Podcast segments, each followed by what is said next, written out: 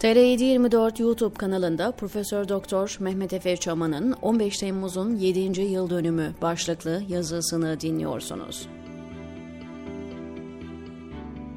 Birçoklarının yaşamını geri dönülmez ve onulmaz biçimde değiştiren 15 Temmuz'un üzerinden tam 7 yıl geçti. Dile kolay, Bazıları son 7 yılın her gününü belki yarın her şey düzelir umuduyla geçirdiler. Kimilerinin eşi, çocuğu, kardeşi, anne ya da babası, kimilerinin dostları mağdur oldu. Hapse girenler gözaltında ya da tutuklu, kimi kısa, kimi uzun süreliğine.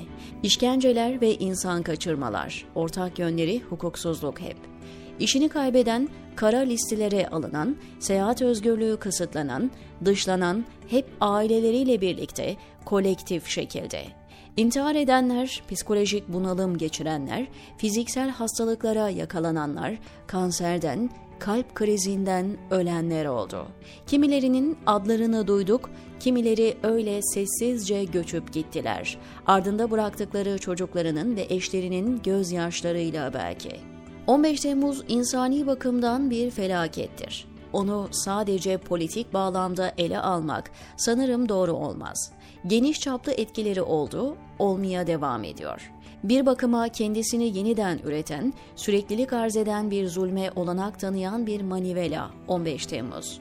15 Temmuz'un bir diğer özelliği de resmi tarihe eklemlenmiş olması rejim değişikliğini başarmaları 15 Temmuz sayesindedir. Bu nedenle resmi tarihe onu eklemek zorundaydılar. Ürettikleri diskuru perçinleyen, onu gelecek kuşaklara aktaran, endoktrinasyonu yineleyerek üretilen algıyı konsolide eden bir strateji izlendi. Bir diğer önemli noktada muhalefetin 15 Temmuz diskurunu kabul etmesidir. Yeni kapıda olan buydu. Rejim muhalefeti de söylemine razı etti. Belki muhalefet buna baştan beri zaten razıydı, bilemiyorum. Zira başta kontrollü darbe falan da deseler hem 15 Temmuz sonrası kitleselleşen zulmü büyük ölçüde görmezden geldiler hem de içten içe Gülen hareketinin günah keçisi ilan edilmesini ve sosyal soykırıma uğratılmasını sevinçle karşıladılar. Seküler toplum segmentlerinde yesin dinciler birbirlerini şeklinde algılandığı süreç daha derin odakların tabanlarında ise 15 Temmuz, Ergenekon, Balyoz, Sarı Kız, Ay Işığı, askeri casusluk gibi darbe davalarının intikamı olarak görüldü.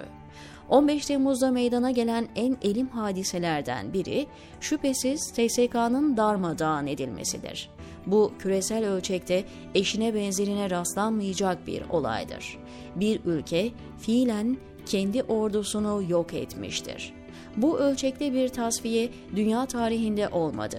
İkinci Dünya Savaşı sonrası Almanya'sında ve İtalya'sında bile soykırım gibi suçlara bulaşmamış, orta ve alt rütbeliler takibata alınmadı.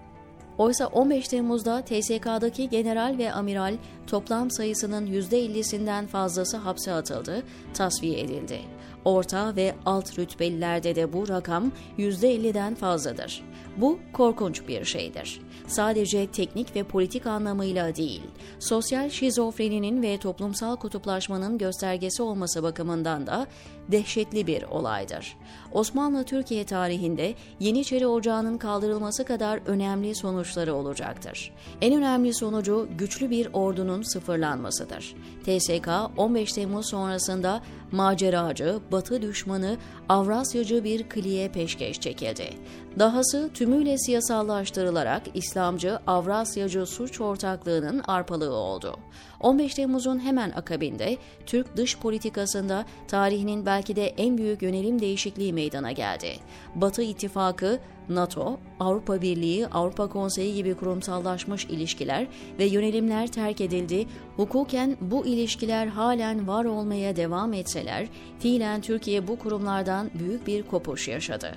Bu kopuşun herhangi rasyonel gerekçesi yoktu.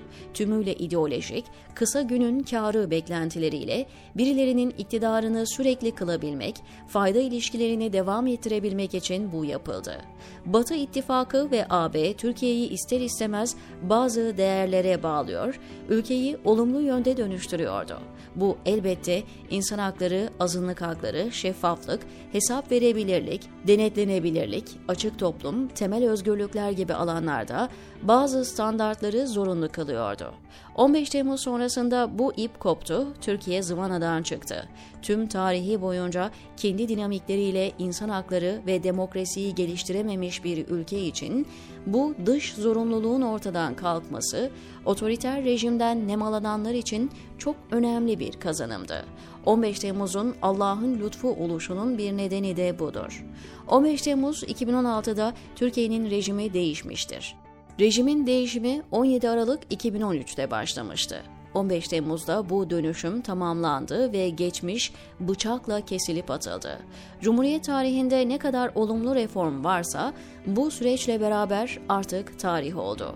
Ciddi bir geriye geliştir. Fakat bunun yanında demokrasi ve hukuk devletinden öte devlet oluşun temellerini, kiriş ve kolonlarını kesip çöküşe neden olan bir operasyondur.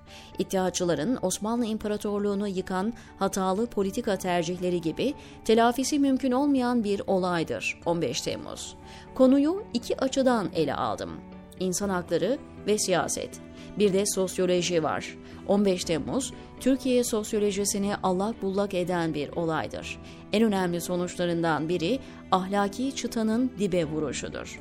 Özellikle aydın kabul edilen insanların tüm etik ölçütleri terk ederek açıktan salt kendi mahallelerine asker olmaya başladığı süreç 15 Temmuz'la hız kazandı. Bugün sosyolojik olarak toplumdan bahsetmenin olanaksızlaştığı Türkiye'de 15 Temmuz sonrasında sadece paralel toplumlar mevcut. Bunlar birbirleriyle aynı mekanı ve zamanı paylaşsalar da biz duygusuna sahip değiller ve her biri devlet egemenliği üzerinden kendi istedikleri yönelimlerin gereğinin yapılmasını istiyor. Diğer bir ifadeyle bir ortak gelecek tasavvuru kalmamış bir şekilde başıboşlaşmış, militanlaşmış, başkalarından sadece nefret etmeyen, onlara yaşam şansı bile vermek istemeyen kutuplar var. Rejime sahip çıkıyorlar ve bu onların tek ortak noktası. Uzun elimde her biri sistemi kontrol ederek kendi istedikleri ülkeyi kurmayı bekliyor. Bu bir sosyolojik saatli bombadır. Son olarak bireysel öykülerimiz var. İnsanız biz ve hepimize çok zarar verdi 15 Temmuz. Zannediyorum önümüzdeki 10 yılları 15 Temmuz'u çözümlemekle geçireceğiz, diyor Mehmet Efe Çaman TR724'deki köşesinde.